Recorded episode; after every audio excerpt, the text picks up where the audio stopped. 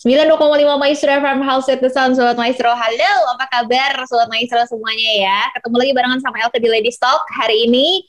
Dan uh, ada para ladies, memang ladiesnya kurang satu sih ya. Cuma ada Ibu Kristina dan juga Ibu Pangpang Halo. Ibu ceweknya berhalangan hadir ya Tapi nggak apa-apa nanti bakal gabung lagi pastinya di Ladies Talk lagi. Dan ada Bapak Produser, halo. Halo, halo, halo. Seru, tetap bermasker ya. Jauh amat produser, lagi di mana tuh? Di mana ya? di bawah layar. di bawah. Nah, makanya teman-teman yang dengerin ya kudu lihat lewat YouTube. Bener nggak? Bener banget. Langsung aja cek YouTube channel kami di Maestro Radio Bandung, Sobat Maestro. Dan hari ini seperti minggu-minggu kemarin kita masih bakal bahas tentang anniversary, tentang cinta lah pokoknya di bulan Februari ini ya. Dan di kesempatan hari ini, siapa yang bakalan kita kupas tuntas cerita cintanya sudah hadir nih bersama-sama dengan kami ada Mas Hendar sama Mbak Inai. Halo. Hai. Halo. Ketemu lagi. Welcome to Maestro Jazz Corner, Sobat Maestro. Dan saya pendengar setianya.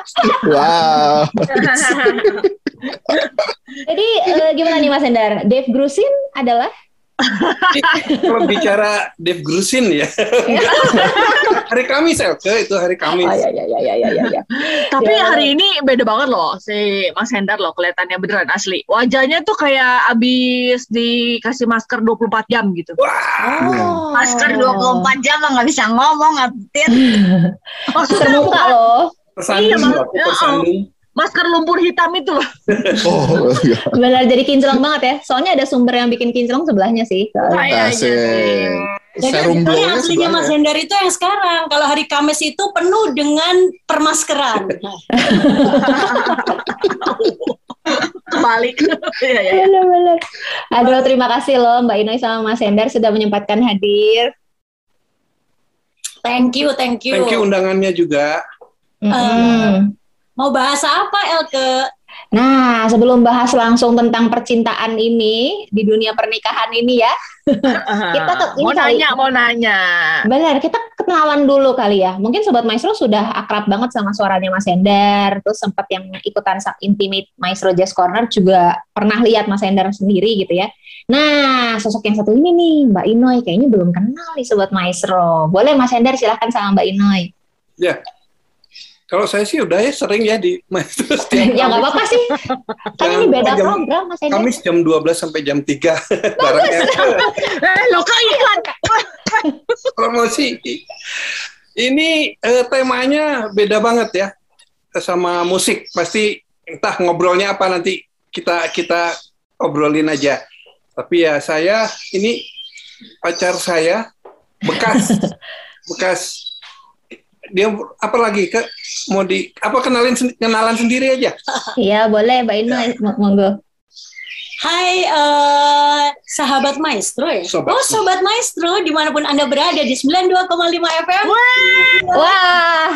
Lapak Mas Hendar bisa hilang nih. Oh, sebetulnya uh, Mas Hendar itu adalah murid saya waktu uh -huh. dia public speaking. Jadi biasa oh. gitu. Oh, iya iya iya iya iya iya enggak bohong ya. bukan bukan bukan bukan. Iya, saya uh, mantannya Mas Hendar tadi diajak untuk ayo ikutan yuk uh, ke Ladies Talk gitu. Jadi uh, mungkin bisa sharing-sharing. Uh, kita sudah kenal uh, hidup bersama-sama itu udah lebih dari 35 bulan ya. Hah, gimana? 35 tahun. 35 bulan. Aduh, suka banget gue liat dagelannya ini berdua. Enggak, bulan depan, bulan depan Bulan kita depan kita uh, memasuki, memasuki 30, 32. 32 tahun. Perkawinan. Perkawinan ke 32 tahun, uh, saya uh, Inoy kebetulan nama saya sama dengan Ibu Kristina. Hey, oh. Ya cantik-cantik namanya cantik iya, ya. Nama Kristina itu nama yang uh, luar biasa ya karena saya berterima oh. kasih kok saya dikasih nama Kristina karena Kristina itu adalah follower of Christ. Cie. itu doa. Jadi ya, memang ya, saya ya, adalah follower of Christ. Ya. Bukan follower of Hendar Waskito, bukan. Iya. itu. Aduh, tapi ngomong gitu doang Mbak Ino aku langsung kayak ketancep gitu deh. Beran. Oh, memang harus karena uh, nama adalah doa orang tua buat kita dan kita harus aduh, amin nih gitu dan jalanin gitu Bener nggak? Benar. Benar-benar. Tapi tadi aku eh, sempat dengar juga bulan depan berarti Maret ya, Mas Hendar ya? Maret, Maret. Maret itu ulang tahun pernikahan yang ke-32. Iya benar. dan 32. eh, saya udah kenal dia lebih dari 40 tahun gitu. Jadi udah kebayangkan kira-kira eh, saya itu usianya seperti mungkin Pak Budi almarhum gitu. Ah, enggak, enggak, enggak. Gak mungkin. nggak gitu lah, Mbak. Jangan gitu dong. Enggak, saya masih Saya merasa ada penipuan di sini. iya. Jadi kita 32 tahun, kita punya dua anak. Yang satu baru menikah, yang laki, Hmm. yang tua, yang satu lagi eh, perempuan masih bersekolah di luar sana. Ya. Oke, ini kalau ngomongin Dindi jadi berkaca-kaca lagi nih Mas Hendar nih. Eh, mungkin mungkin perlu back sound lagu Dindi. Dindi. Dini itu nama anak perempuan saya. Iya. Ini aku pengen tanya kalau selama 30 hampir 32 tahun ini setiap anniversary ngerayain gak nih Mas Ender sama Mbak Inoy? Hmm, jujur enggak ya, biasa aja kita. Ya pasti pasti kita berdoa paling enggak eh inget ya hari ini hari apa? Ingat gitu pasti inget ini eh, anniversary pasti inget tapi dirayakan Khusus? khusus. Enggak juga. Ya pernah yuk makan berdua tapi makan biasa aja nggak pakai candlelight candlelight gitu, Nggak. gitu. ya. jadi biasa aja buat kita Jadi Elke eh, mungkin saya bisa lebih eh, jelasin dengan clear, eh, bukan dengan lebih jelas gitu ya. Saya dan Mas Hendar ini bukan tipe yang lebay-lebayan dengan romantis-romantis, bukan. Karena Hmm. keseharian kita sehari-hari ya seperti ini, kita banyak bercanda. Bahkan kalau serius itu rasanya nggak pernah terjadi di rumah tangga kita. Jadi Aha. Eh, itu yang membuat mungkin sampai hari ini Mas Hendar menjadi dirinya Mas Hendar sendiri, Ina jadi diri saya sendiri dan kita hanya mensyukuri bahwa oh kita udah 32 tahun ya. Kita udah 40 tahun eh, bersama-sama gitu ya. Kita hanya bisa mengucap syukur bahwa sampai hari ini masih kedua-duanya sama seperti waktu kita eh, Pacaran. pacaran di tahun 80-an gitu. Jadi itu yang kita rasakan. Anunya ya, eh, vibe-nya ya. Jadi bukan lebay-lebayannya yang bunga-bunga. Mas Ina nggak pernah ngasih bunga. Bunga enggak. Bunga, oh bunga mawar, aku beli sendiri. Mm. Tapi itu Mas Hendar dan saya juga bukan tipe perempuan yang Mas kok nggak ada ini, nggak ada itu enggak. Kalau memang kita pengen pergi ya kita pengen pergi menikmati apa, nggak perlu harus ada special event ya Iya, Mas. Nggak pernah. Oh, ini beda nih sama contoh-contoh yang Ya kemarin ya. nih, aliran berbeda ya ya ya. Seru Ini alirannya nih. koboi, alirannya koboi. Iya iya iya. Jadi ya dibilang ya sampai hari ini ya kalau boleh cerita Ino itu orang yang paling senang bekerja. Jadi sampai hari ini dia aktif. Kalau saya lihat umur, lihat juga situasi, saya bisa dibilang secara profesional kerja sih udah enggak. Jadi udah pensiun. Tapi saya sangat mendukung dia karena dia memang orangnya senang kerja gitu. Apa gara-gara show kuda kali ya? Bisa jadi loh. Dia malah kalau nggak kerja kayaknya pusing dia. Gitu. Hmm. Oh iya iya iya. Oh iya, Kita iya. sama-sama Kristina Kuda ngomong-ngomong. Ya, saya bekerja Oh, iya? bagai kuda dan yang menikmati adalah babi gitu ya.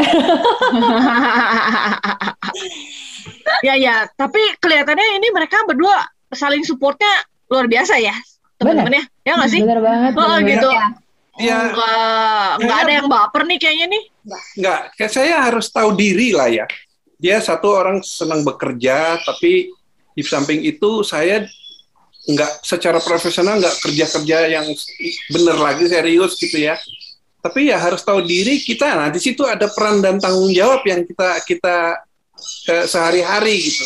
Kalau dia ke kantor atau ke mana ya saya udah pasti pembagian tugas gitu. Saya ya di rumah saya harus eh, full perhatian ke rumah, urusan rumah aja segala macem gitu.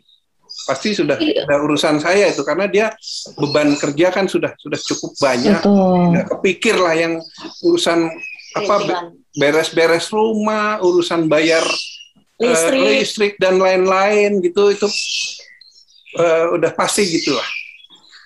Oh. Eh, gitu ke jadi sebetulnya mungkin yang membuat eh, kita bisa seperti hari ini bukan seperti ya eh, yang mengenal kita ya inilah kita berdua dari puluhan tahun sampai hari ini lebih kepada bahwa masing-masing menyadari tentang peran dan tanggung jawabnya dalam rumah tangga. Jadi kalau misalnya cuma satu peran yang Mas Hendar tidak pernah lakukan dan itu nggak bikin saya kecewa, yaitu Hmm.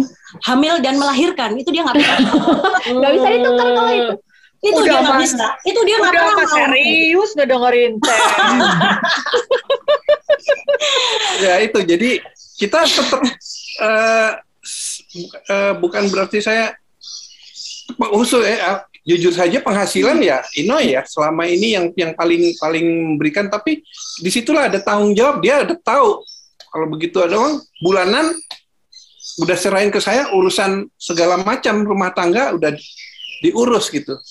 Oh, tapi ini di awal-awal pernikahan kan maksudnya untuk eh, pria-pria yang lain gitu ya, untuk misalnya suami suami-suami yang lain misalnya gitu ya, nggak semua bisa terima gitu kan ya Mas Hendar. Ada yang Oh, ya, jadi Mungkin gini kan mungkin benar, jelasin ini karena situasi ya jadi dulu kita bekerja Eh, sebelum menikah juga saya udah bekerja, Inoy Hmm. bekerja, kita menikah, saya bekerja, dia 20 bekerja. Nah, 20 tahun kemudian situasi yang membuat eh, Hmm. kondisi seperti ini, misalnya karena eh, bisnis saya eh, selesai tutup gitu ya. Karena benar. Saya banyak di bidang musik lah, di industri Hmm, musik. hmm, hmm. Harus berhenti waktu itu ya. Sudah, kita menyesuaikan diri saja. Oh, Jadi tapi pas karena awal-awal sama-sama sibuk nggak ada masalah tuh Mas Hendar. Pas Mas Hendar kan awal-awal juga kan aktif nih bekerja, terus tapi pengen istri juga aktif juga nih ikut bekerja juga. eh, udah udah nggak ada rasanya nggak ada masalah ya. Oh, Justru justru anehnya waktu kita ini bidangnya eh, Bertolak belakang. bertolak belakang. Saya banyak di Mm-mm, musik, dia di betul-betul eh, profesional gitu ya. Jadi dulu malah dia yang sering saya tinggal karena urusan itu. oh iya benar, Ya. musik ya. ah, Uh, pergaulannya dia sama artis-artis Ya, ya. Gitu. Jadi dia pergi tuh dengan ya? artis-artis Ya, gitu, dia begitu. ditinggal gitu. bisa kebalik setelah saya nggak aktif, Inoy. Ino yang yang malah lebih banyak Oh. melanglang buana gitu. Benar-benar. Jadi mungkin Elke supaya nggak salah tanggap para pendengar daripada Maestro. Jadi bukan Hmm. dari kawin terus Mas Hendra nggak kerja bukan. Jadi Iya iya iya. iya. untuk meluruskan saja bahwa pernikahan kami normal seperti anak-anak pacaran, lalu kita punya satu tujuan, kita menikah, punya anak, Mas Hendra bekerja, Inoy bekerja. Eh, di masa-masa 15 tahun, 20 tahun lah pernikahan, harus saya katakan bahwa 10 tahun pertama itu banyak sekali peran seorang wanita dalam arti ngurusin anak lebih Ya. memperhatikan itu Mas Hendar ke bukan Inoy. Jadi Hmm. karena saya memang dari umur 19 sudah kerja. Jadi waktu hamil saya tuh nggak suka banget sama anak kecil sebetulnya. Tapi Mas Hmm. Hendar sangat sangat sayang dengan anak kecil. Jadi kebetulan kita punya asisten rumah tangga yang memang dia eh, bisa ngurusin anak, dia masak. Tapi di masa itu meskipun Mas Hendar sering banget pergi-pergi ke eh, luar kota, luar negeri, tapi pengaturan untuk administrasi rumah tangga itu Mas Hendar udah ngatur ke jadi dia nyuruh Oh. Rosi, Bi Rosi begini-begini. Lalu kemudian saya benar-benar saya kerja aja gitu. Pulang anak-anak eh, bayi si Bibob sama Dindi masih kecil, Mas Hendar tuh yang lebih banyak bermain. Nanti saya pulang kantor baru kemudian main. Kalau Hmm. mereka sakit baru mama gitu ya ambil tanggung jawab gitu. Tapi urusan eh, suap Mas Hendar jauh lebih telaten. Lalu urusan eh, segala sesuatu lah. Jadi bisa dikatakan bahwa untuk dekat dengan anak-anak di masa Mm-mm. kecil, Mas Hmm. Hendar porsinya harus saya katakan lebih banyak dibandingin saya. Kapan Inoy mulai menyadari bahwa saya harus lebih merubah eh, apa ya koboynya Inoy gitu ya? Waktu mulai kemudian beberapa kali suka dipanggil sekolah tuh. Alus itu Oh. anak-anak tuh. Nah, Mas Hendar mulai kalau gitu ur- urusan sama guru Inoy baru maju, berdua kita maju dan kemudian saya eh, mulai apa ya? merubah merubah eh, kebiasaan tanpa diminta oleh Mas Hendar. Jadi aku tahu Oh. diri juga gitu ya dan saya mulai eh, banyak berhubungan bukan berhubungan maksudnya terlibat lebih dalam ke anak-anak dan itu waktu anak-anak masih eh, SD. SD. Hmm. Dengan berjalannya waktu, hubungan kita berempat tuh ya sekemana-mana ya berempat aja gitu ya. Sampai kemudian di 2010-2011 bisnisnya Mas Hendar harus tutup, Mas Hendar Hmm. harus benar-benar di rumah. Jadi fungsinya akhirnya anomali terbalik bahwa single income-nya hanya dari Inoi. Eh, di mana sebetulnya kuncinya kan di sana, Elke. Sering Iya. orang melihat bahwa oh suami kudu bekerja, istri Hmm. ngurus anak.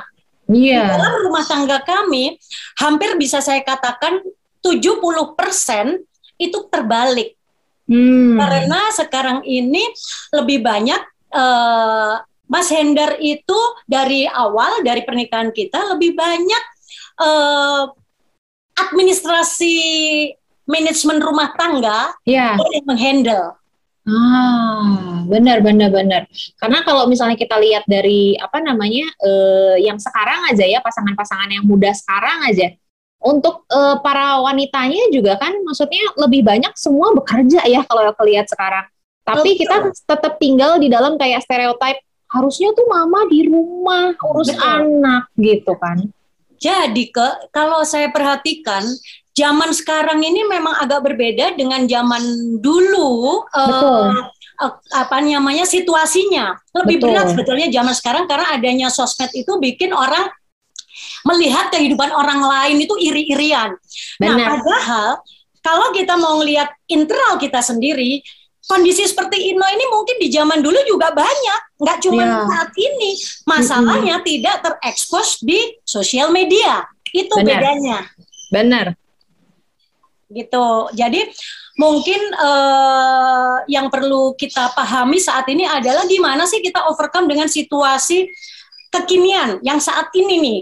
Musim hidup kita di saat ini nih, rumah tangga itu seperti apa gitu kan? Melihatnya karena buat Inoy pasti banyak di luar sana laki-laki pria yang di PHK nggak dapat pekerjaan, istrinya bekerja, tapi bagaimana seorang istri harus tetap submit dan juga respectful kepada pasangannya gitu. Hmm. Jadi eh, itu kembali juga menurut saya lebih kepada karakter ataupun personality daripada masing-masing pasangan ke di sana saya Hmm. melihatnya gitu. Saya bersyukur banget Mas Ender termasuk orang yang easy going dan nggak peduli omongan orang dan dia Ya. juga sangat secure. Jadi dalam hal ini lebih kepada eh, secure-nya. Jadi rasa tahu Ya. eh, peran dia, tanggung jawab dia sebagai imam, raja maupun nabi di keluarga gitu ya. Nah, itu juga yang menurut Inoy benar-benar menjadi sebuah hal yang akhirnya saya juga ngerasa disayang, diberikan Betul. supporting. Jangan salah, Mas Enda juga bisa marah loh kalau Inoy juga kebablasan seriously. Hmm. Iya iya iya iya, benar-benar. Berarti kita balik lagi nih ladies dan juga Pak Prot ya. Benar-benar eh, dikasih tahu lagi sama Mbak Inoy dan juga Mas Ender harus nge tentang peran ya, peran kita tapi bukan berdasarkan stereotip yang harusnya ada di lingkungan kita biasanya ya. Hmm. Ladies dan Iya. juga Koriki ya. Kan kita biasanya kepikirnya di kita gitu gitu kan ya dan pasangan-pasangan muda juga banyak banget yang kayak gitu gitu. Jadi kepikirnya aduh harusnya tuh istri tuh di rumah aja, jangan kerja gitu kan. Masih masih kepikirnya seperti itu gitu kan. Padahal kebutuhan dan juga peran bisa berubah sebetulnya. Iya. Iya, Kondisinya kan eh, berubah terus nih sekarang dan perubahannya cepat banget. Ya, itu dia sobat ya Nanti itu. kita Hmm. Kita sering ketemu lah pasangan-pasangan muda gitu ya, yang mau merit atau yang sudah merit beberapa tahun, ya ketemu masalah-masalah seperti itu gitu. benar. Nanti kita bakal bahas lagi ya Pasti, cerita betul. dari Mbak Inoy dan juga Mas Hendar. Aku seperti Talk ya. sedang berkaca soalnya. Nanti kita ngobrol-ngobrol banyak ya Pak Prot ya. ya, aku kayaknya bakal Gitu, banyak ya. konsultasi nih. Oke, siap Nah, kalau gitu. iya, iya. Buat Sobat Maestro juga mungkin yang mau konsul mumpung ada Mbak Inoy dan juga Mas Hendar di sini 081321000925 bisa Anda pergunakan dari sekarang ya. Dan eh, jangan ke mana-mana, tetap di Lady Stock ya. 92,5 Maestro FM House with the Sound Sobat Maestro Balik lagi di Lady Stock barengan sama Elke para ladies Dan juga ada Pak Produser Ada Mas Hendar sama Mbak Inoy juga nih ya Hai. Mau nanya, mau Nah. nanya, mau nanya, langsung mau nanya. Wah Boleh, go, langsung di bredel mau nanya lo ya Silahkan monggo. Tadi kan eh, Mbak Inoy kan bilang katanya Mas Hendar pernah ada marahnya gitu kan ya. Nah, kan Mbak Inoy kan yang cari duit nih istilahnya kan. Terus kalau Mas Hendar marah, terus Mbak Inoynya ngapain? Eh, satu. Jadi memang ini kembali kepada karakter dasar dan eh, kedewasaan bukan cuman usia, tapi menurut Inoy lebih kepada saya bedanya jauh banget dengan Mas Hendar tujuh tahun. Artinya bahwa Mas Hendar jauh di atas saya, eh, tetapi saya tetap mempercayai bahwa kedewasaan itu bukan cuman jasmani tapi juga rohani ya. Bukan bukan sok pengen rohani enggak sih, tapi eh, pemahaman akan firman Tuhan itu harus saya katakan mempengaruhi kedewasaan seseorang. Jadi waktu saya marah, dimarahin Mas Hendar, itu nggak serta-merta Mas Hendar tuh marah karena misalnya saya eh, ignorance dia ataupun saya ninggalin rumah lama, bukan. Biasanya hal kecil yang dia marah. Boleh, boleh. Mas Hendar boleh tambahin. Mungkin eh, meluruskan di sini saya bukan pemarah. Nggak tahu, Ya, benar ya? Betul? Benar. Langsung tanya dulu. Nah iya makanya kalau sekali ya marah kan berarti kan gimana? gitu? Mengerikan, Jadi- mengerikan, betul. Bukan marah mungkin kalau saya mengingat lebih banyak mengingatkan, Mengingatkan. karena saya tahu dia ini karakternya apa cepet banget. Bereaksi apa pun cepet. Nah saya suka ngingetin dia. Bahkan saya kasih kadang-kadang kasih tip sama dia. Coba kamu mau menjawab merespon sesuatu itu kamu tahan dulu. Berapa? lima detik aja kamu diem. Jangan langsung. Lima detik, lima detik. Baru ngomong karena sering banget dia gitu cepet banget re- responsnya dan kadang-kadang nggak pas gitu nah kalau kita ini saya bukan marah ya kita lebih sering berbeda pendapat sering Hmm. nah tapi di situ kita akhirnya Berdiskusi. berdiskusi dan kita harus eh, harus eh, apa sepakat kita berbeda gitu berbeda pendapat Dan tapi it's okay. dan it's okay gitu karena backgroundnya juga ya. Mungkin misalnya kita sering eh, dari satu berita gitu ya dia punya pendapat saya punya pendapat. Itu berbeda. Nah itu ya enggak apa-apa. Cuman saya ngingetin dia itu kan kamu. Orang Hmm. lain kan juga beda. Boleh dong. Gitu kan. Nah itulah Hmm. ya ada demokrasi lah di situ ya. Berbeda pendapat. Jadi ya saya selalu mengingatkan itu gitu. Jadi nggak maks- nggak jadi marah. Nggak Eh, Hmm. Pertanyaan yang Titin tadi mungkin akan lebih spesifik eh, saya arahkan, yaitu tentang kapan Mas Hendar marah untuk certain situation di mana itu terjadi. Pernah misalnya. Jadi karakter kita itu berbeda. Saya sangat-sangat eh, sengun Sanguin, dominan. Saya Yes. sengun dominan. Mas Hendar itu melankolis inti- Kolerik. Ya, kole, eh, bukan dia bukan kolerik. Eh, Ino yang kolerik eh, sanguin gitu ya. Jadi saya dominan sanguin, tapi Mas Hendar ini lebih kepada intim stabil. Oh, Lengkapnya, stabil. Oke, oke, oke. SG saya stabil Dia ganteng Nah dia S- stabil ganteng jadi eh, ada satu karakter, ada satu situasi di mana misalnya eh, saya diminta oleh Mas Hendar untuk beli sesuatu. Sedangkan pada saat saya sedang eh, sibuk dengan sebuah pekerjaan, fokus saya kepada pekerjaan, apa permintaan dia untuk tadi saya beli ataupun saya lakukan itu nggak saya lakukan, bukan kesengajaan, tapi Oke. lebih kepada karena saya tidak fokus ke sana, jadi nggak saya kerjain. Sampai Hmm. di rumah ditanya barangnya mana gini, "Eh, aduh lupa aku. Saya orang yang sangat honest dan sangat eh, jujur. Saya orang yang sangat terbuka banget. Jadi saya bilang, aduh aku minta maaf ya mas, aku bilang gitu. Sekali, dua kali. Mas Hendar bisa dengan tegas dia ngomong kalau minta sesuatu, dia udah kirim WhatsApp, dia ingetin dan dia bilang, tolong kamu catat. Itu Ah. kira-kiranya ketegasan itu yang menurut Inoy eh, bikin saya seperti tertampar Mm-mm. untuk Hmm. saya tidak mengecewakan dia dan saya feel guilty. Hmm. Lebih ke sana eh, Titin. Atau Ya, marah- ya, ya. atau marah yang menurut saya eh, benar-benar marah itu rasanya enggak ya enggak pernah kamu marah oh pernah pernah misalnya di masa lalu saya suka pergi dengan teman-teman saya dia nggak suka sebetulnya tapi kan Hmm. dia nggak pengen benar-benar dia tahu saya pengen pergi Ah. tapi saya maksa pergi misalnya Hmm. seperti itu Eh, itu pernikahan-pernikahan di bawah 20 tahun deh 15 tahun gitu pengen seenaknya gitu ya marahnya Mas Hendar itu bukan marah mulut Titin Hmm. tapi diam. Aduh, itu makin serem kan justru. Nah, saya kebetulan juga tipikal orang yang sangat peka terhadap situasi. Saya itu sangat eh, apa namanya diberi Alert, alert. alert. Saya orang yang sensibel. Saya sangat sensibel. Jadi saya bilang, ini ada sesuatu perubahan suamiku. Kamu ada apa? Dan saya bukan tipikal orang yang mendiamkan sebuah masalah. Jadi saya benar-benar Hmm. bertanya kepada Mas Hendar sampai dia bicara dan menyampaikan unek-unek dia.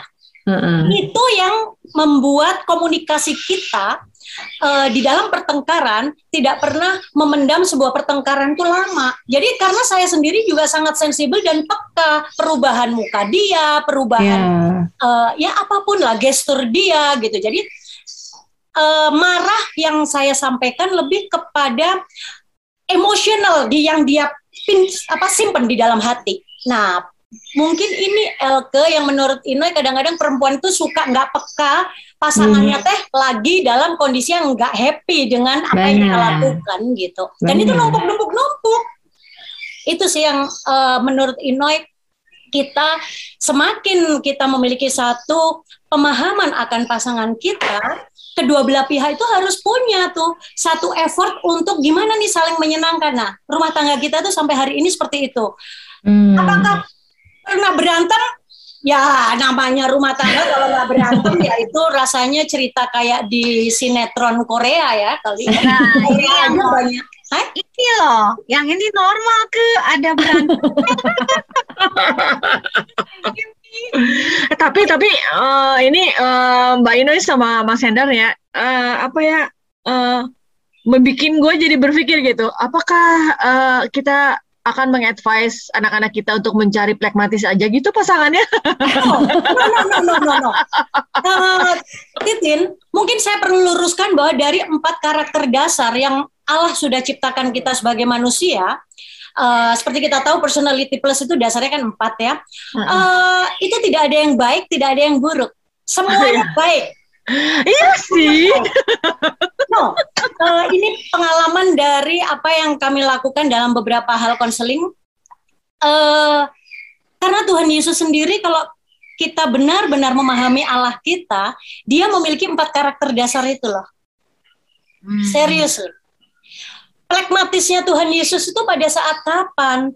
Pada saat dia tidur di buritan kapal, murid-muridnya sudah panik karena eh, badai, dan dia tetap tidur dengan ya ah gayanya orang pragmatis lah. ya Gitu. benar benar benar benar Nah, kapan Tuhan Yesus bersikap sebagai seorang sanguin, seorang yang intim, seperti Inoy, yang bisa bergaul dari kalangan atas, di atas langit sampai yang paling bawah di kolong jembatan saya bisa. Dengan semua orang dan yang nggak peduli kapan orang itu apa jadi cibiran orang. Kapan? Waktu dia melihat dan dia berbicara kepada eh, pelacur. Sakel hmm. Pada saat dia bicara kepada seorang pelacur, dia nggak peduli omongan orang mau gimana, tapi dia merangkul dan dia mengatakan bahwa dosamu sudah diampuni. Ya. Dan dominannya Tuhan Yesus tentu kita udah tahu Jelas. dia uh, mau ngobrak-abrik ini ya, Baik. Ya, baik. gitu. Dan uh, satu melankolis melankolisnya Tuhan Yesus tuh sebetulnya dasarnya Tuhan Yesus tuh dasarnya ya melankolis kayaknya waktu lagi berdoa itu ya Nah, artinya bukan kita meminta anak kita menjadi plekmatis atau cari pasangan plekmatis, tapi kita sendiri nih yang kudu sadar kekurangan kita apa, kelebihan Mm. kita apa, sehingga waktu kita memahami pasangan kita memiliki karakter seperti apa, kita harus pakai bahasanya dia untuk menyampaikan message kita. Nah Bukan kita kekeh pak kekeh dengan karakterku lebih baik daripada Mas Hendar, enggak gitu. tepuk tangan dulu yuk tepuk tangan dulu Bener pisan. Duh, Tapi kadang soalnya susah nih Mbak Inoy. Kita mau nyadar aja kalau kita kalau kita tuh sebenarnya nggak bisa nih memahami dia gitu kan. Tapi kita nggak mau menyelami pasangan kita butuhnya apa gitu kan. Exactly. Itu Eh, Mas Hendar Itu, mungkin bisa tambahin. Ya, perlu waktu yang gitu-gitu ya. Ya. harus 32 tahun dulu maksudnya. nah itu itu Iya, perlu waktu. Ego mah kalau perlu di, disampingkan gitu, yang gitu-gitu. Dan memang itu bisa ketemu karakter pasangan pada saat sebabnya pada saat pacaran, Pacaran. udah paling udah paling, bagus. Jadi Mau sorry, jelek-jeleknya apa ya di pacaran Ya. gitu. eh, sorry Elke, saya bukan penganut yang dua bulan jatuh cinta, tiga bulan terus langsung kawin bukan. Karena saya Aduh, untung saya lebih dikit. Ah. Kamu berapa? Berapa tahun? Berapa hari? Dari kenal ke nikah 13 bulan. Oke, good.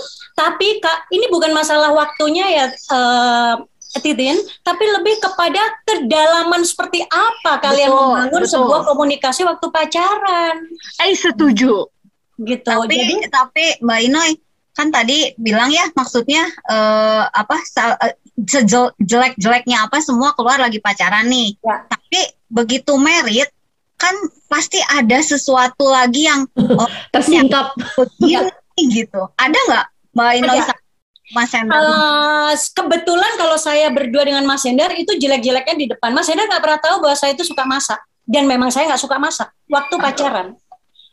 Sedangkan eh, ibu mertua saya itu tukang masak, senang masak dan Mas Hendar itu benar-benar dipuaskan oleh ibunya urusan makanan.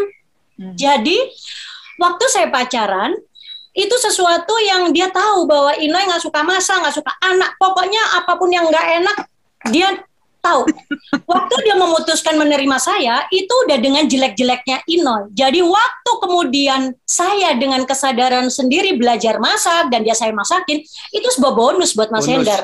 Hmm. Nah, pertanyaannya waktu Fangwan tadi tanya, apakah ada yang masih kemudian keluar jeleknya? Ada.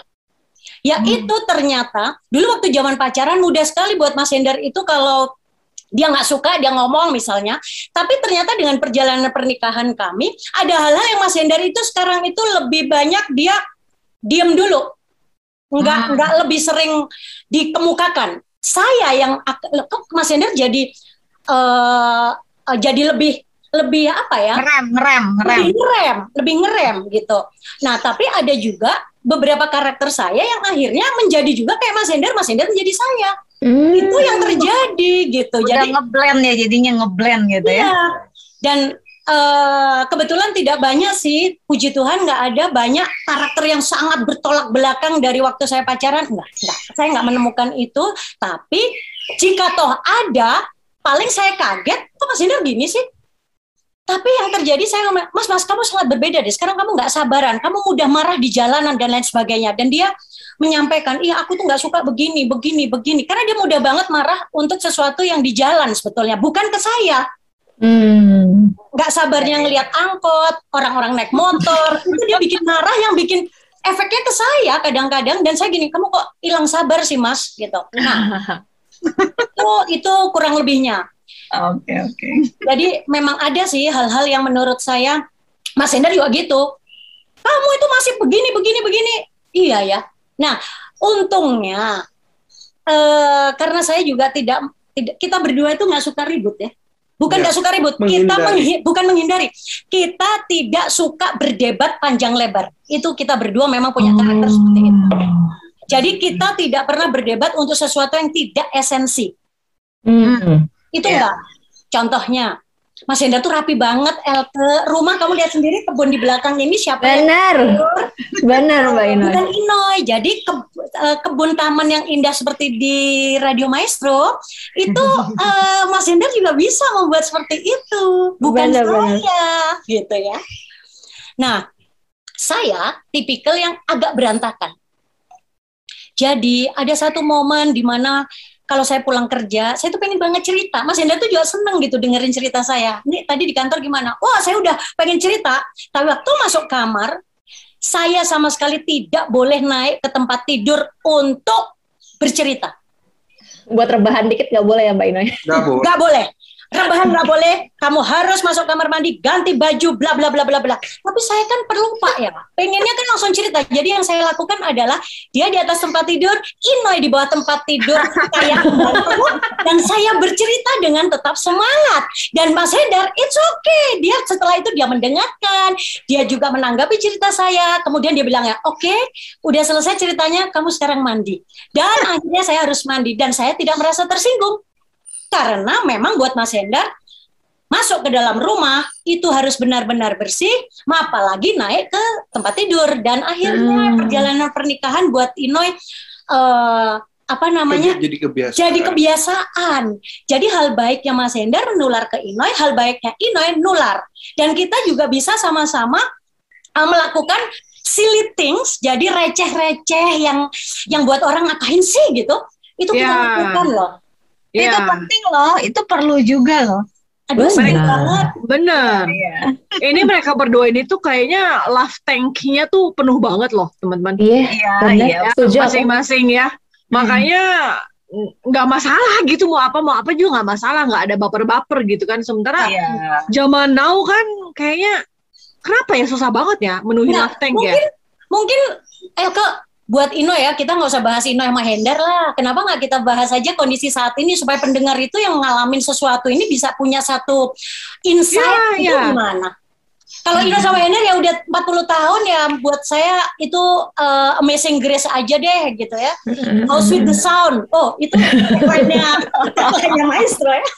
Bener. Kalau eh, pasangan-pasangan muda ini kan sekarang istilahnya kita pengenalan kita akan pasangan aja juga mungkin setelah merit kurang ya. Makanya bisa setelah merit ke terkaget-kaget gitu kan. Kenapa kok iya dia begini? Iya. Kenapa dia begitu? Setelah pengenalan pengenalan kurang, terus akhirnya kita nggak bisa jalan bareng juga karena mungkin gitu ya ada beberapa kasus juga nih yang sudah ada di sekitaran kita udah pengenalan kurang penerimaannya nggak ada Enggak, ya tidak sensitif terhadap pasangan betul dan nggak yang ada usaha juga. nggak punya Tuhan Eh, eh, sorry, Titin, Bukan saya ya? harus luruskan. Tidak serta merta Hmm. orang yang tidak punya Tuhan tidak Hmm. bisa hidup dengan baik loh. Jangan salah. Hmm.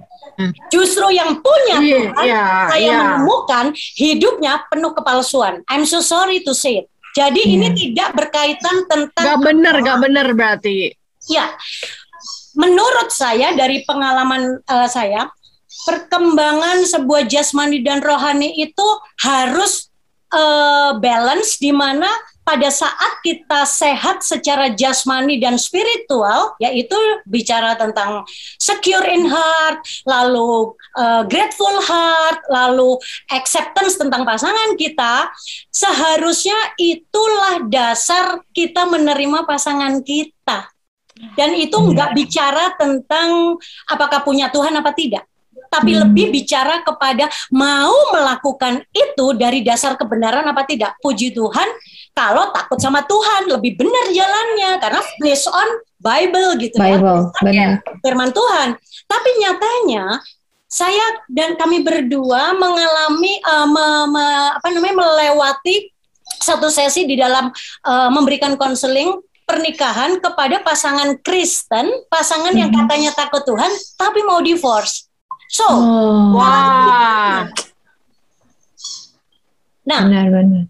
Jadi nggak jaminan saya harus encourage rumah tangga memang harus didasarkan pada firman Tuhan, pada Kristus sebagai center.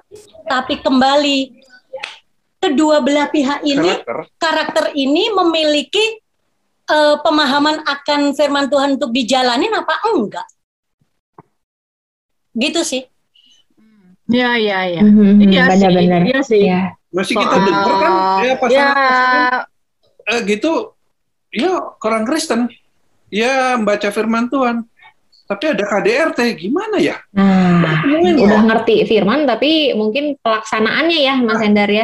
Kita Ya. bakal ngobrol lebih lanjut lagi tentang hal ini nih Sobat Maestro ya. Mungkin Anda punya kasus yang sama sedang mengalami atau Anda mau cerita tentang sahabat Anda, mau tanya juga boleh 081321000925 boleh terbuka untuk Anda Sobat Maestro ya. Jangan ke mana-mana tetap di Lady Talk. 92,5 Maestro FM, House at the Sound, Sobat Maestro. Kalau udah ngomongin tentang cinta, tentang pernikahan, apalagi ya, aduh intens banget ya. Eh, Hmm. Benar-benar kita belajar di sesi 1 sama sesi 2 ya, eh, Pak Produser, kita harus menerima, terus harusnya sih berjalan juga dengan penerimaan kita pada diri sendiri dan pasangan ya, harusnya. Tapi yang terjadi mungkin saat-saat ini kayaknya udah pengenalannya kurang, penerimaannya juga kurang juga gitu kan. Aduh. Terus udah gitu tetap mau mepet orang tua mau meritnya mau sekarang. Maunya gitu kan sekarang Mm-mm. Dipikirnya udah masuk eh, pernikahan, wow fairy tale. Ternyata Jeng jeng zong. benar. Ego sama ego ke yang susah teh anak sekarang mah yang masih muda ego, gonya yang nggak bisa ditekan ke bawah gitu. Jadi ego masing-masing pasangannya masih keluar. Nah itu kan yang bikin jadi masalah gitu di rumah tangga biasanya. Betul. Kadang-kadang lupa ya ngapain kayak gitu ya. Padahal hidupnya kan sama kita-kita juga gitu ya nanti ya ke depan ya. Tapi nggak bisa tahan. Tapi udah susah mau nahan teh kumaha. Lima detik itu tidak lima detik yang krusial itu tidak susah ya. Bener sih, bener. Orang suruh marah terus tapi tunggu kamu hitung sampai 30 kata Cifang. Ke kalau kamu udah mau marah kata Cifang, hitung sampai 30. Ci, Padahal gue juga nggak bisa ke. hitung sampai 10 aja udah keringetan Angkanya, rasanya. angkanya Mas Hendar cuma nyuruh Ina lima. Jadi bertahap. Mas Hendar nyuruhnya cuma lima. Karena kalau saya sudah bisa lima detik Diem. diam, saya sudah bisa sedikit menguasai diri yang pengen cok cok cok cok cok cok, cok, cok. Ah, Hmm. Bener, bener, bener. Juga ya kalau boleh nambahin kenapa pasangan-pasangan sekarang eh, rada ya gitu banyak banget gitu. Kalau saya sih yakin ini gara-gara media sosial zaman sekarang itu cepat Ya. sekali gitu ya. Cepat sekali beredar, cepat sekali mempengaruhi gitu. Kalau lihat anak-anak ya mungkin dia tadinya nggak ada apa-apa, nanti berkomunikasi sekarang gampang banget gitu. Nanti dia ngomong sama temennya, ya mau telepon, mau WhatsApp, cepat sekali jawabannya gitu. Nah itu Ya, pengaruhnya cepet banget gitu kalau menurut saya di zaman media sosial seperti ini. Tapi tapi tapi meluruskan nih, gara-gara media sosial emang media sosial ngapain? Kalau saya lihat ya efeknya positif negatif, tapi ya kasus-kasus ini ya saya lihat memang dari media sosial banyak lah ya. Sekarang banyak banget saluran media sosial Hmm. yang du, zaman dulu nggak nggak kita untuk dapat pencerahan aja mungkin lama gitu. Kalau Hmm. sekarang hitungannya detik. Dulu Iya. dapat kabar dari meminta minta apa minta saran gitu kayaknya waktu perlu lama. Nah di antara waktu itu kan bisa berubah gitu. Kalau sekarang gue lagi Share. ini, share. IG story, gue lagi kesel sama laki gue nih, gimana? Jebret, Jebret, temennya Mas. ngasih, jebret. Aku meluapkan emosiku di IG story, nah, bebret bebret. Udah kadung kan jejak digital itu jahat ya. betul. Jadi waktu dia dia upload, dia lupa bahwa dia sedang emosi, sudah dapat respon dari teman-temannya. Waktu dia sudah sedikit cooling down, dia udah menyesal karena Hmm. sudah diintervensi oleh informasi-informasi yang mempengaruhi pikirannya, yang diolah dengan segala emosinya dan akhirnya yang tadinya masalahnya cuman karena jengkel misalnya dengan suami karena suaminya nggak mau eh, jemput dia misalnya cuma telat berapa menit eh, tapi sudah di blow up seakan-akan dunia sudah runtuh karena suaminya Hmm, menyeleweng pikirannya padahal suaminya mungkin ban mobilnya kempes. bos atau apa atau, Atau apa kunci mobilnya ketinggalan itu kan? eh pernah itu pernah kejadian dengan saya dan Mas Hendar Nah Hmm. apalagi ya orang-orang yang seneng yang seneng banget sa- bersosial apa itu nonton-nonton si sinetron sinetron itu pengaruh isinya kan gitu semua sekarang. Benar. Ya, Benar, kita benar. lihat ya asisten rumah tangga kita ini juga lihat. Nah, kalau lihat tayangan iya sih masuk akal sih. Iya, Memang aja ngomong jadi kepengaruh ya. yes sangat kepengaruh. saya kira.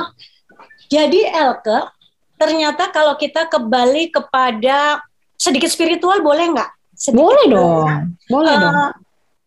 Manusia kan terdiri dari tubuh, jiwa, dan roh ya. roh kita ini, firman Tuhan bilang bahwa roh kita ini penurut tapi daging lemah. Sedangkan Hmm. daging itu bicara eh, tubuh kita kan.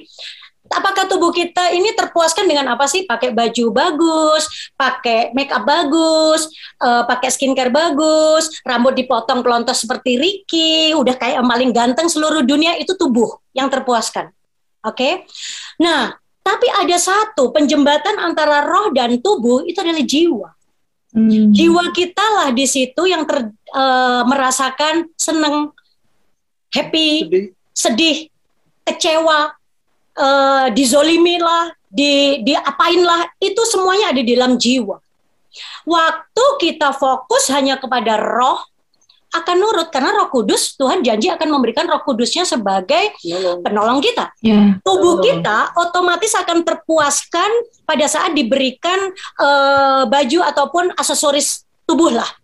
Tetapi jiwa sering kali yang tidak terlalu kita pelihara, tidak terlalu kita pikirkan kesehatan Hmm. daripada jiwa. Yang dipomongin adalah kesehatan rohmu, spiritmu, tubuhmu. Tapi padahal jiwa ada di tengah-tengah di mana jiwa ini yang perlu benar-benar attach dengan Setuju. firman Tuhan, dengan Hmm. apa yang Tuhan mau. Yes. Jadi di dalamnya ada bagaimana kita introspeksi diri, perlu adanya menenangkan diri sendiri, bersolitut, istilahnya bersolitut dengan pencipta kita. Yaitu keheningan di mana kita eh, mengistirahatkan resting our jiwa. Jadi, di dalam jiwa yang sehat terdapat tubuh yang Kuat. kuat. Nah, mengapa banyak orang yang punya Tuhan beragamanya bagus sekali ibadahnya, tapi terjadi perceraian hamba Tuhan atau apa? Karena jiwanya sebetulnya di dalam itu tidak terpuaskan. Orang berselingkuh itu sebetulnya bukan salah pasangannya loh. I'm so sorry to say it. Mungkin ada apa namanya eh, pengaruh dari pasangannya, tapi sebetulnya dasar awalnya adalah insecure sampai dia melakukan perselingkuhan. Insecure. Oke. Misalnya, aku ngerasa tidak dapat, ini jiwa kembali ya yang merasakan, Mm-mm. aku nggak dapat perhatian dari Mas Hendar. Aku tidak dapat perhatian dari pasanganku. Tapi saya tidak bisa mengungkapkan karena ya udahlah, masa sama suami sendiri dia nggak mau ngerti sih, gengsi untuk ngomong. Tidak Benar. terpuaskan itu. Dia Betul. chatting di sosial media ataupun dia dapetin tuh gambaran Instagram hidupnya orang-orang yang penuh dengan kasih sayang. Betul. Iri hati mulai muncul, membandingkan diri sendiri mulai muncul. Mulai iblis masuk, ada perempuan atau laki-laki lain yang memberikan perhatian itu. Hmm. Bahaya. Jadi, Bahkan ya gimana Tin? bahkan nggak mesti perempuan atau laki-laki lain sebagai pil atau will sih sebetulnya dengan mereka menenggelamkan diri dengan hal-hal yang tidak ada sangkut pautnya dengan keluarga juga Itu, itu juga lama-lama juga menjadi kacau. sebuah eh, sebuah alasan untuk mereka bertengkar dan berpisah. Jadi Ya. sebetulnya sebetulnya PR-nya itu bukan menguatkan saja saja ya maksud saya berarti tetap harus dikuatkan tuh rohnya, tubuhnya, tapi jiwanya juga perlu untuk disehatkan. diisi bensin Mm-mm. Nah, eh, itu yang menurut Inoy eh, holistik di dalam kehidupan kita yang harus dijalankan sampai kita mati. Saya pun sama Mas Hendar masih terus tuh eh, apa namanya melatih tubuh jiwa roh ini untuk tetap eh, sehat. Kadang-kadang nah. Kadang-kadang tetap jatuh dan harus dikatakan. Makanya saya bilang itu sampai nanti kita mati nggak akan ada masalah eh, kemudian waktu jadi terus menerus dibangun dibangun introspeksi penerimaan begitu. Apakah betul kalau si jiwa itu diisinya itu harus bisa juga oleh diri sendiri atau selalu membutuhkan orang lain? Ada dua menurut saya. Karena kita ini ciptaan Allah dan diciptakan dengan eh, segambar dan serupa dengan Allah. Pengalaman pribadi saya waktu saya dalam kelelahan yang sangat Tuhan Yesus sudah mengatakan bahwa datanglah kepadaku yang berbeban Ya. berat letih dan apa Tuhan bilang apa aku berikan kepadamu kelegaan bukan kekuatan loh Hmm. bukan kekuatan, tapi kelegaan. Firmannya mengatakan kelegaan.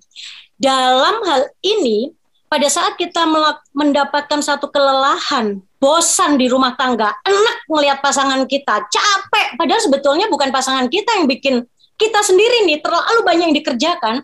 Hmm. Kita bukan quit dari rumah tangga, kita bukan quit dari hubungan itu, tapi saya melakukan resting ataupun menyendiri untuk kembali kepada Tuhan nomor satu. bukan lari kepada manusia. Karena sangat Hmm. bahaya jika saya lari ke manusia sebelum saya lari dulu ke Tuhan. Nanti dengan pemahaman akan urusan ini, Tuhan tuh ngasih loh kepada kita satu hikmat. Inoy, kamu perlu ditolong secara apakah dari firman Tuhan atau kamu hubungi seseorang yang dapat dipercaya untuk memberikan masukan secara manusia. Tuhan teh baik banget. Jadi secara verbal, Ya. virtual itu selalu diberikan gitu. Dan saya memang tidak eh, banyak memiliki orang untuk saya ceritakan jika saya dalam jiwa yang sangat lelah dan ini. Itu saya hanya punya dua dalam hidup saya. Pertama adalah almarhum ayah saya. Eh, dia sebagai spiritual man setelah meninggal eh, sekarang adalah kakak saya. Karena saya benar-benar bisa menceritakan dan yang dinasehati kembali dari firman. Jadi bukan saya cari teman curhat. Ya. Hati-hati dengan teman curhat. Betul, betul, betul, betul. Bisa manasin loh. Hmm. Betul, betul. Benar, ini kalau dari sisi Mbak Ino yang ini ya, yang maksudnya kan eh, sanguin lah bisa dibilang Ya. gitu ya. Kalau misalnya dari Mas Hendar gimana nih? Kalau misalnya per- berpikir apa ada permasalahan misalnya gitu. Kalau dari sisi orang yang bisa dibilang ekstrovert lah gitu ya, kan dia kurang pas nih kalau gue belum ngomong gitu istilahnya gitu nggak sih Mbak Ino? Kayak Iya kan? siapa gitu ya? Kayaknya harus ada yang keluar nih, aku harus cerita gitu kan. Nah kalau dari orang sisi plekmatis gimana nih Mas Hendar? Saya biasanya eh, saya ini orang yang banyak pertimbangan.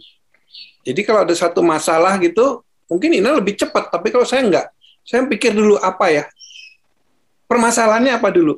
Nah itu Hmm. saya gali dulu, baru oh harusnya begini, harusnya begini. Jadi saya orang yang agak banyak pertimbangan untuk memutuskan sesuatu, nggak terlalu cepat gitu. Jadi ya tentu saya bisa bisa bisa cari cari cari masukan dari luar yang benar, tapi eh, akhirnya keputusan itu harus saya ambil sendiri dengan ta- dengan penuh tanggung jawab gitu.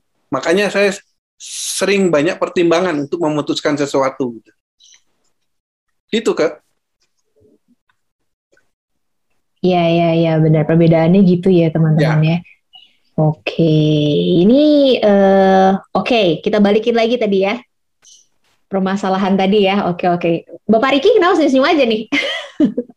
Enggak, ini jadinya menarik sih sebetulnya. Itu kan eh, tadi masalah yang tadi dari Mbak Inoy sih, itu menurut aku kan kayaknya belum beres tuh. Berarti kalau misalnya eh, kita pengen bertanya atau pengen apa ya, nyari jalan keluar secara rohani sebetulnya, tetap sebaiknya kita nanya ke Tuhan kah gitu ibaratnya eh, dengan sambil dia nyari apa kali, nyari tanda dalam tanda kutip, atau tetap kita bisa nanya kayak ke teman kita ya. Tapi aku juga rada-rada nggak suka sih sebenarnya nanya ke teman karena akan cenderung aku setuju tadi akan manas-manasin dan ya kecuali memang kita punya teman yang memang benar-benar kita bisa percaya eh, punya apa ya dasar rohani juga yang bagus kali ya Mbak Inai. Eh, saya harus katakan bahwa setiap orang memiliki caranya sendiri-sendiri untuk menyehatkan jiwanya, Ricky. Nggak bisa semuanya misalnya kayak Inoy, itu cara saya. Saya lari dulu pada Tuhan, saya berdoa, saya benar-benar bisa jam 2 pagi, jam 3 pagi itu bangun hanya untuk berdua dengan Tuhan. Mas Hendar nggak aku ajak, karena buat saya pertumbuhan rohani dan spiritual hubungan dengan Tuhan itu kan masing-masing pribadi beda-beda ya, gitu. Nah, jadi kita perlu tahu maunya diri kita sendiri itu apa. Hmm. Kalau Ricky sendiri nggak pernah tahu kamu itu memandang situasi ini seperti apa. Misalnya kasusnya adalah apa dulu nih kasusnya? Apakah pekerjaan, apakah rumah tangga, atau kan kan kita ngomongin tentang percintaan ya, berarti katakanlah rumah Hmm. tangga ya. Ada permasalahan di rumah tangga. Saya bisa katakan bahwa misalnya pertengkaran itu nggak mungkin hanya dari satu pihak, ada dua pihak. Nah, waktu terjadi pertengkaran dan mau overcome dari situasi itu, ada baiknya untuk yang tadi saya bilang kita introspeksi jiwa. Kita ini sedang sedang me, mem- apa namanya mempempering ataupun pampering apa Elka tolong diterjemahkan dengan me- apa namanya Merawat, merawat. Mengistirahatkan. Hmm. no no no no pampering itu uh, manjain gitu. Memanjakan. Manjain diri. Memanjakan ego kita untuk uh, kekepak keke bahwa gue lebih benar nih daripada pasangan gue gitu ya. Uh, atau kita introspeksi untuk tahu kenapa aku tersinggung ya tadi ya, kenapa aku Hmm. kecewa ya. Jadi lebih kepada Ricky, nomor satu adalah berbicara kepada tentang diri kita sendiri. Kalau di itu pun kita nggak bisa ketemu tuh, catetin tuh. Aku tadi kecewa, kenapa ya aku sakit hati waktu Mas Hendar ngomong? Apakah omongan Mas Hendar yang bikin aku sakit hati? Atau hatiku yang tergores dengan omongan itu? Kalau iya, why?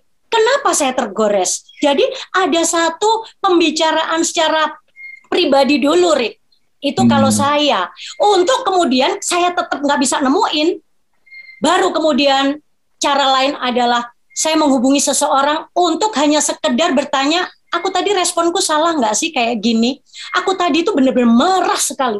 Nah, mungkin sedikit unik ya. Saya mau cerita bagaimana hubungan saya eh, berbicara dengan Tuhan itu gini. Saya pernah suatu saat jengkel sekali dengan Mas Hendar. Sangat kesel, benar-benar udah di ubun-ubun kesel. Saya naik ke mobil karena saya nggak mau eh, perang mulut. Jadi sa- karena saya tahu kalau saya perang mulut, saya tahu kelemahan saya, saya mungkin bisa ngomongnya kebablasan. Jadi saya Hmm. eh, tadi itu lima detik saya masuk mobil dan saya menangis dan saya berteriak di mobil. Saya jengkel Tuhan. Saya jadi kayak saya uh, um, apa curhat sama Tuhan, Rick. Mas Hendar tuh begini tadi begini, tolong Tuhan aku apa aku salah? Apa yang aku respon ini keliru gini? Hmm. Dan surprisingly, jujurly, ah, orang zaman sekarang tiba-tiba Jujurly. jujurly, surprisingly, somehow semua Jakarta Selatan keluar nih ya, gitu. ya. Itu tiba-tiba kayak ada satu cooling down dan Tuhan itu kayak kasih sebuah pencerahan di hati saya sama pikiran saya gini. Kamu keliru di urusan A, B, C, D.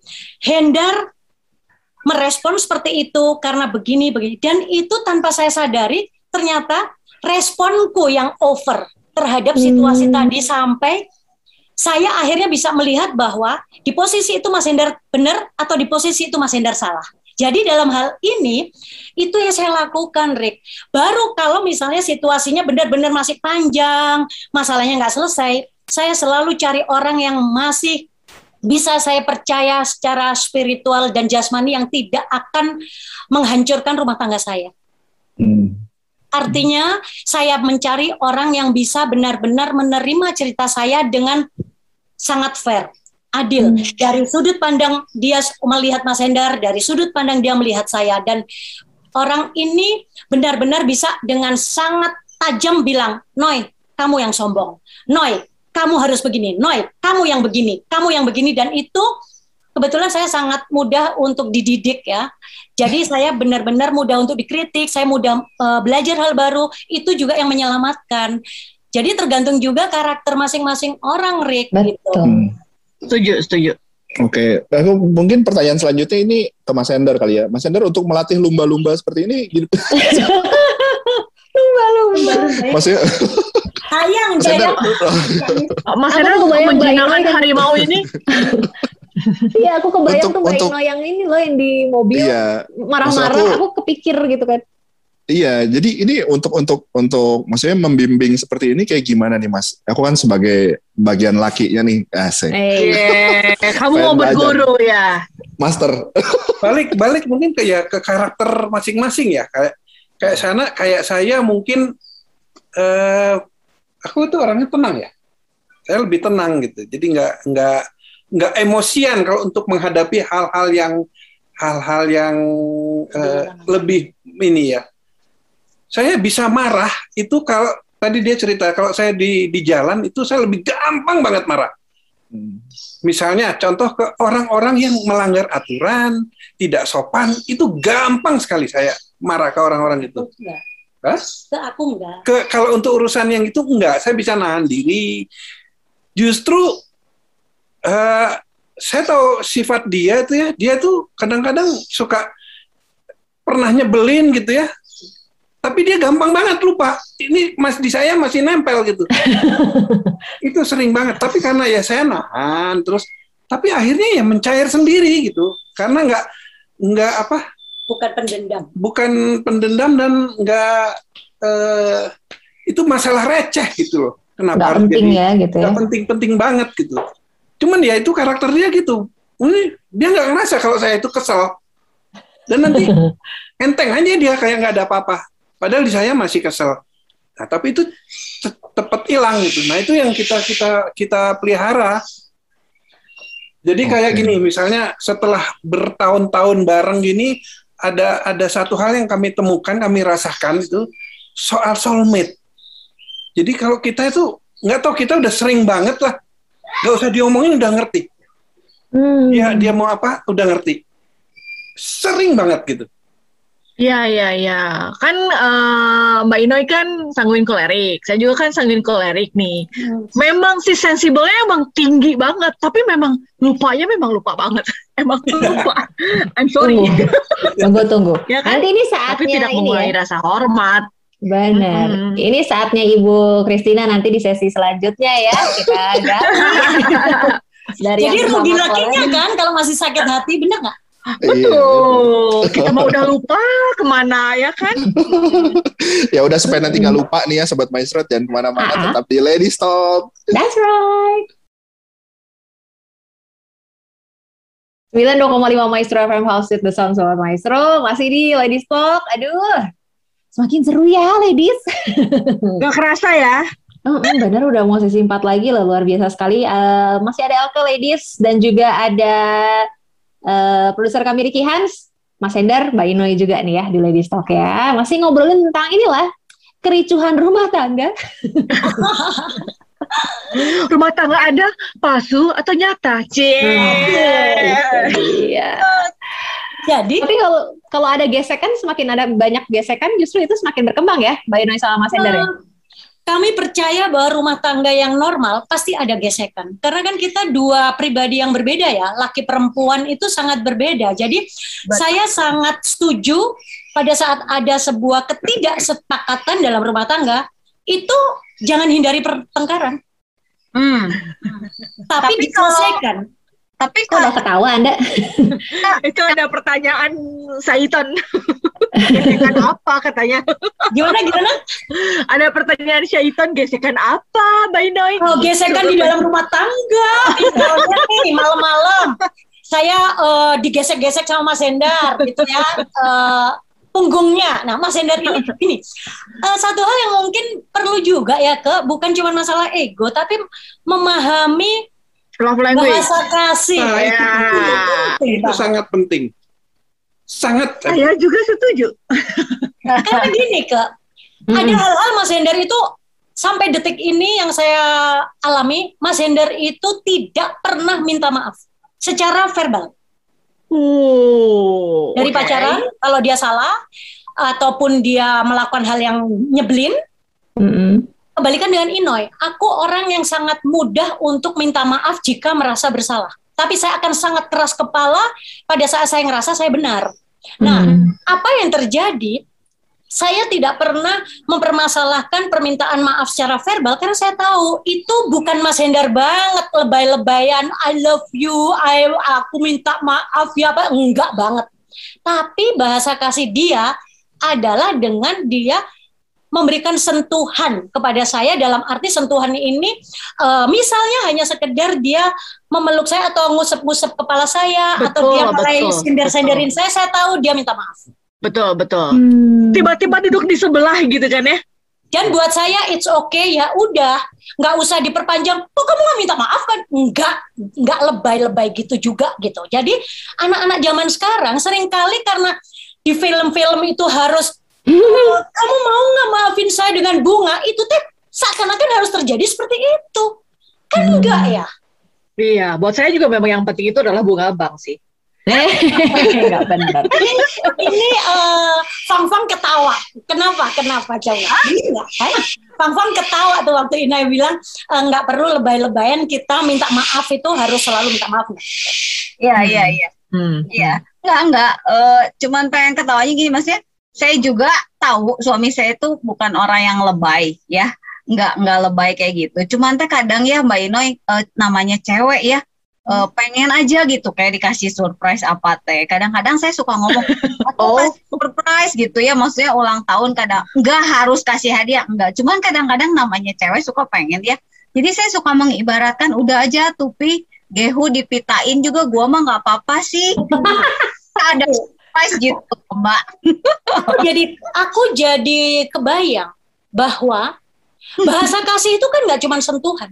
Bahasa Iya. kasih itu ada Oh macam. iya banyak banyak. Nah, suami daripada Fang Fang dengan clue ataupun hint kata-kata Gehu aja dipitain masa seharusnya dia tahu bahwa bahasa kasihmu itu pemberian, sebuah Yeah. present, sebuah hadiah. Nah, nggak ada salahnya kita mengingatkan dia seperti itu nggak ada salahnya. Tinggal apakah pasangan kita merespon itu dan tahu bahwa itu pasa- bahasa kasih pasangan kita, bener nggak? Nah kalau dia tetap nggak lakuin gimana ta? Ya, sudah. dunia belum kiamat, Titin. Betul, betul. Oh. buat saya iya, nggak iya, iya. apa Aku berharga di mata Allah dan buat Inoy yang bisa memberikan kepuasan tetap kembali Ya. di dalam ya. diri saya. Mas Hendar nggak minta maaf, it's okay nggak apa-apa. Itu masalah kamu dengan Tuhan. Iya.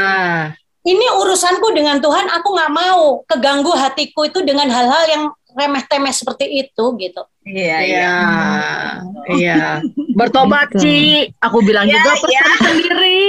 Pesan Sendiri. sendiri, kasih tahu dia tinggal ngambil. Ah. Udah ganti, udah nggak Gehu, sekarang mah Cireng. Ganti. Tapi balik lagi ya kita mungkin eh, sobat-sobat maestro ada yang nggak nggak tahu ngikutin dari depan acara ini ya. Kita kan nih pasangan yang bisa dibilang nggak biasa lah. Saya sudah nggak aktif yang bekerja Inoy ya. Nah soal eh, pasti eh, mungkin jarang ya anak-anak kalau lihat anak-anak muda sekarang kalau dari kita suka lihat ketemu sharing itu rasanya aneh. Apa sih yang kurang dari mereka? Secara ekonomi rata-rata yang kami temui itu bagus gitu ya secara ekonomi. Tapi ya itu kadang-kadang mereka apa curhatnya apa itu Receh, receh-receh semua gitu yang bikin jadi Hmm, jadi gede gitu padahal Esensi. tidak esensi banget gitu betul. Justru itu mungkin yang eh, sering terjadi terus eh, terus-terusan dan akhirnya dipendem-pendem terus akhirnya jadi buang waktu gitu apa gimana ya? iya Iya ke, jadi ke ternyata misalnya nih aku nggak suka sama Mas Hendar. Hmm. Aku takut kalau aku ungkapkan itu akan jadi pertengkaran. Nah, Padahal, Iya, iya. padahal waktu itu aku simpan, aku sedang memendam itu di alam bawah sadarku yang menjadi sebuah trigger trigger alasan untuk aku melakukan penyelewengan Oh. atau aku mulai melakukan ketidakhormatan terhadap pasangan. pasanganku. Oh ini serem banget Nah, berarti ya. tadi ngomong-ngomong soal si receh ya, kalau di matanya Mas Hendar sama Mbak Inoy, recehnya tuh apa coba yang sekarang lagi berjamur? ekonomi, ekonomi yang dipermasalahkan sudah jelas memang ekonomi utama, uang itu utama untuk rumah tangga kita. Hmm. Tapi kondisinya suamimu sudah di PHK, nggak punya pekerjaan, dan kita sebagai istri misalnya yang bisa diberi kesempatan sama Tuhan bekerja, semua udah. Itu kan untuk kebaikan rumah tangga kita. Kenapa Hmm. mesti harus? Kenapa kamu nggak kerja? Kenapa kamu begini? Kenapa begini? Saya yakin banget salah satu pemicunya itu adalah ketidak bersyukuran apa? Kok kok bahasaku gak enak sih? Eh, kurangnya bersyukur kurangnya mengucap syukur tentang Ya. kondisi bahwa kita masih bisa loh bayar tagihan-tagihan meskipun itu mungkin datang dari satu pintu. Ya. Apakah saya nggak pengen suatu saat itu berhenti bekerja lalu kemudian hanya dapat uang dari Mas Hendar? Siapa yang nggak pengen? Pengen. Tapi waktu itu saya eh, tuntut dari pasangan saya dan dia tidak bisa memenuhi, saya mulai terjadi kekecewaan dan saya mulai menyalahkan. Hmm. Ya. Tapi banyak loh orang sekarang kayak gitu. Iya, karena buat saya kembali kepada pembicaraan kita di awal bahwa intinya kita berumah tangga apa sih? Pasangan sat- suami dan istri membangun sebuah rumah tangga untuk Memuliakan Tuhan. memuliakan Tuhan dan nomor satu adalah apa? Dua-duanya happy, dua-duanya bahagia. Kenapa nggak kita mulai melihat pasangan kita untuk menyenangkan dia, Mas Hendar melihat Inoy untuk menyenangkan Inoy. Kita saling menyenangkan satu dengan lain tanpa mempedulikan keinginan ataupun kebutuhan kita yang ditonjolkan lebih dahulu. Kan Betul, masalahnya betul, sekarang betul. itu lebih kepada pengen lebih dahulu di dipikir di apa ya diutamakan gitu. Kenapa Iya. kita Betul, betul, betul. mengutamakan lebih dahulu gitu. Betul, Nah, betul. masalahnya adalah sering kali membandingkan hidup rumah tangga kita, pasangan kita dengan pasangan yang ada di sosial media atau teman-teman kita di tempat lain. Padahal sebetulnya kalau kita mau uh, lebih dalam, meskipun mereka secara ekonomi cukup besar, permasalahan mereka beda lagi loh, bukan masalah ekonomi loh. Ya. Sedangkan rumah tangga kan nggak serta merta cuman dari sisi Betul. ekonomi, ada Betul. segi yang lain-lainnya gitu loh. Mas Iya. Jendral menyebutnya apa? Manajemen rumah tangga ya? Iya. Manajemen rumah tangga gimana? Jadi jadi aneh juga kita ketemu pasangan-pasangan muda yang mau merit nih, udah janjian nanti uang kamu uang kamu ya, uangku uangku. Wah itu kan udah ngeri banget kalau menurut Iya. menurut kita ya. Yes, Belum, belum merit aja udah udah gitu gitu. yes, yes, betul, betul.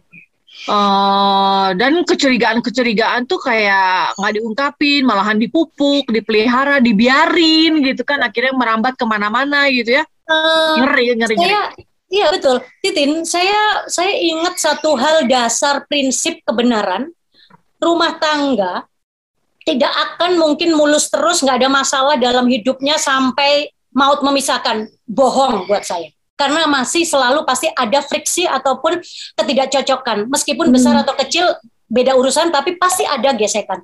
Tapi kalau di dalamnya masih ada Komit, trust dan komitmen. buat saya pertengkaran seperti apa, perselingkuhan seperti apa, pasti akan masih bisa diselamatkan. diselamatkan. Selama Hmm. kedua belah pihak masih memandang maligai rumah tangga itu adanya trust dan komitmen. Artinya dia masih trust terhadap pasangannya bahwa dia bisa menerima dan bisa memaafkan. Yang kedua adalah komitmen tentang mempertahankan rumah tangga itu. Tapi Hmm. jika salah satu pasangan sudah tidak memiliki trust dan komitmen, buat saya lebih baik buyar, seriously. Saya buk, gini, masalahnya kan kalau orang Kristen kan nggak boleh cerai. Betul, firman Tuhan mengatakan begitu. Tapi ada kalimat selanjutnya adalah eh, jika apa boleh bercerai asal apa perjinahan gitu ya. Apa sih bahasanya? Aku nggak terlalu apal. Tapi intinya adalah gini, eh, perjinahan, eh, sorry, perceraian itu tidak boleh. Musa mengizinkan karena tegar tengkuknya bangsa Israel karena minta diokein tuh perceraian. Oke lah, akhirnya perceraian terjadi. Tapi di perjanjian baru dikatakan bahwa perceraian itu nggak boleh, maut yang memisahkan. Tapi di Korintus dikatakan bahwa jika terjadi perjinahan, artinya apa? Perjinahan itu bisa dari pikiran, bisa dari perbuatan, atau spiritual. Nah, itu boleh lo bercerai. Pertanyaannya adalah kapan kita memutuskan untuk keluar? Saya harus katakan bahwa rumah tangga kita di dalam kekristenan itu nggak ada jalan keluar. Kalau Hmm. kamu sudah masuk di dalam sebuah rumah tangga kekristenan, nggak ada jalan keluar. Jalan keluarnya harus di dalam situ. Nggak ada itu jalan keluar yang lain. Artinya di sana harus ada effort untuk tetap mempertahankan komitmen tersebut. Tapi jika komitmen itu tidak ada, ya perlu orang ketiga ya eh, untuk memberikan satu eh, apa namanya insight ataupun masukan yang benar gitu. Iya benar, nggak ada jalan keluar. Jalan keluarnya dari di dalam ya, Mbak Inoy. Iya. Ini pas banget tadi eh, Citin sebelum kita on air baca buku tentang ini nih. ya benar nggak Citin? Iya. Dia bacain buku tentang ini nih. Wah luar biasa. Tadi benar. tadi saya baca buku terus kalimat pertamanya rancangan Tuhan yang begitu hebat atas pernikahan juga dapat terasa sebagai kutukan terbesar. Maksudnya tuh eh, cuma boleh dipisahkan oleh kematian aja gitu. Benar. Dan itu benar-benar tadi ditebelin juga sama Mbak Inoy bilang kalau ada masalah ya jalan keluarnya ada di dalam. Jangan justru cari keluar, teman-teman. Yang sekarang itu yang terjadi adalah carinya keluar jalan keluarnya gitu kan. Wah. Vicky, Sama loh. ditanyain? Tadi yang Dari laki-laki pengen tahu dia. Eh, Cipang tadi ngomong apa Cipang? Tadi ya, ya Cifang, kenapa Cifang. Bang? Yang tadi kata apa? Tadi kata saya jadi lupa. Yang tadi kata Mbak Ino yang maksudnya eh, apa? eh, ada yang ini uangku, ini uangmu gitu kan. Jadi sebelum kawin teh udah ada pemisahan lah atau apa. saya rasa itu mungkin ya itu juga dipengaruhi sama pihak orang tua. Ya, Ya. ya, Ya, ya. udah pernikahan orang tua tuh nggak boleh ikut campur ya. Itu Iya. soal- itu efek banget gitu. Iya. Nah, tadi yang kata Mbak Inoy, jalan keluarnya itu cuma ada di dalam situ. Di dalam situ pun berarti antara suami dan istri tanpa ada orang luar sekalipun itu orang tua. intervensi ya. Ya. Jadi sebetulnya situasinya kalau menurut saya yang eh, dari pengalaman kita ada beberapa pernikahan yang mungkin didasarkan dari pengalaman masing-masing background keluarga, dari bisnis dan lain sebagainya, terjadi prenup ataupun eh, apa perjanjian pranikah. Buat Inoy itu it's only a paper. Ya, It's fine. Important things adalah motif kita di dalam menandatangani itu seperti apa terhadap pasangan kita. Jadi selama itu hanya paper tapi hati kita waktu pelaksanaannya uang itu tetap uangnya Mas Hendar menjadi uangnya Inoy, uangnya Inoy menjadi Mas Hendar, punya Mas Hendar dan itu tidak menjadi masalah, nggak masalah meskipun ada perjanjian pranikah. Tapi kalau perjanjian pranikah itu akhirnya memicu sebuah hal-hal yang tidak dewasa di dalam menyikapinya, itu akan terjadi pertengkaran. Jadi kembali kepada pribadi si suami istri sendiri, memandang rumah tangganya, culture-nya mau dibikin seperti apa. ya, Karena belum tentu culture orang tua kita itu kita adopsi. ya, benar, benar, benar. Iya, benar, setuju. Iya, Hmm. kayak gitu. Oke, aku mau nanya nih, eh, mumpung masih nyambung tentang orang tua ya, Mbak Indah sama Mas Hendar. Eh, ini juga menarik nih, kan ada single parent, ada mungkin orang tuanya dulu, eh, ya entah kalau nggak ditinggal mati, mungkin eh, karena ada perceraian atau mungkin ada anak yang kayak semacam apa ya, eh, ya hasil hubungan yang tidak direstui. Nah itu akan ngebawa ke pernikahan gitu nggak sih Mbak Inoy? Eh, sejujurnya Ricky pasti ada dampak besar ataupun kecil ada dampak. Permasalahannya adalah pada saat orang ini ataupun pasangannya menyadari situasi itu, dia bisa menolong pasangannya tersebut untuk keluar dari masa lalunya dan memasuki hidup hari ini dan ke depan bersama-sama. Saya rasa di situ eh, rumah tangga itu masih tetap bisa berjalan dengan sehat karena tidak serta merta anak yang datang dari bro- keluarga broken home itu selamanya broken home enggak loh. Saya bisa buktikan bahwa ada anak-anak yang yatim piatu lalu kemudian rumah tangganya terus jadi tidak bahagia enggak juga loh. Ada yang datang dari keluarga yang bahagia, keluarganya broken home bisa juga loh. Artinya di sini seperti yang tadi saya bilang, masa lalu mempengaruhi yes, tapi waktu dia secure dan sehat jasmaninya, jiwanya, rohnya, saya yakin pasangan tersebut akan bisa memasuki sebuah rumah tangga yang sehat juga, meskipun berat di awal backgroundnya macam-macam. Tapi ini suara burung mengganggu banget ya, burungnya Mas Hendar. Mas, burungnya Mas Hendar diberhentiin dong, Mas. sorry sorry rumah saya ini kebun binatang gitu ya agak agak sedikit eh, keganggu tapi kembali jadi gini Rick Eh, tidak serta merta masa lalu itu selamanya sampai mati itu pasangan itu akan selalu suffer kedua belah pihak harus menyadari kelemahan itu dan juga saling menguatkan ya Mas Ya. Hendar ya Yes. jadi eh, jangan patah semangat jika di luar sana ada pasangan-pasangan yang mungkin merasa tidak mendapatkan kasih sayang dari orang tua di masa lalu. Kalian masih bisa dapetin kasih sayang itu di dalam Tuhan dan pasangan kalian. Dan pasangannya Amin, amin, harus amin. tolong benar-benar juga bisa mensupport untuk bisa ada forgiveness, ada penerimaan, tapi juga ketegasan di dalamnya. Karena ada kadang-kadang eh, alasan-alasan itu dipakai untuk pembenaran dia melakukan hal yang nggak benar gitu loh, Rick. Ya, ya, ya, ya, ya. Nah, pasangannya kan kudu tegas, tegas untuk menggrab kepada track yang benar. Eh, kamu nggak bisa begini, kamu nggak bisa begini, gini. Ah, kan aku kayak gini karena aku kurang kasih sayang dulu sama orang tua. Aku memberikan kasih sayang ini cukup. Artinya begini, ada kedua belah pihak dari angka 1 sampai 10 yang dua-duanya punya effort eh, mendekati ke hal yang paling sempurnanya di rumah tangga mereka gitu. Moga-moga menjawab ya, Rick. Hmm, hmm.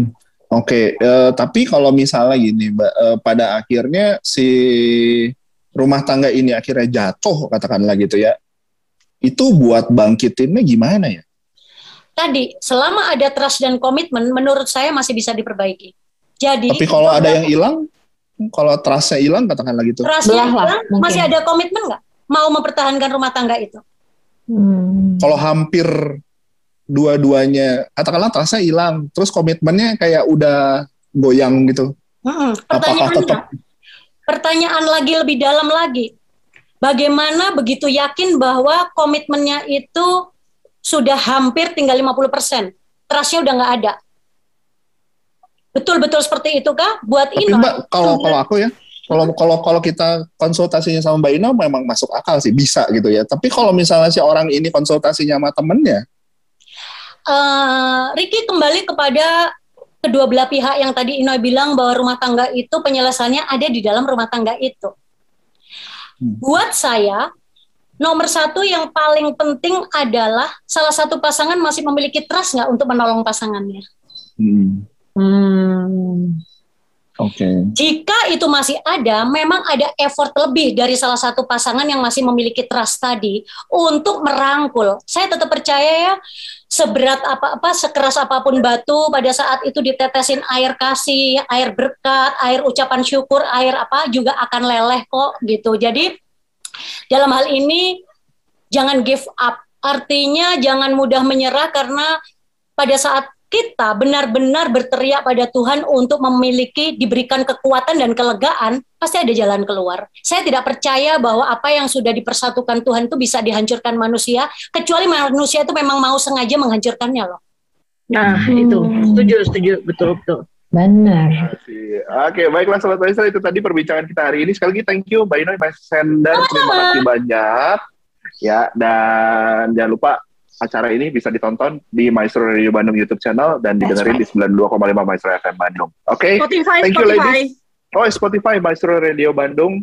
Ya, jangan lupa juga bisa didengerin di sana. Oke, thank you ladies. Terima kasih Elke, thank, Thank you, Pak Prot. Terima Oke, kasih semuanya, Mbak Ina. bye. Terima kasih dan terima kasih Sobat Maestro. Dadah. Bye.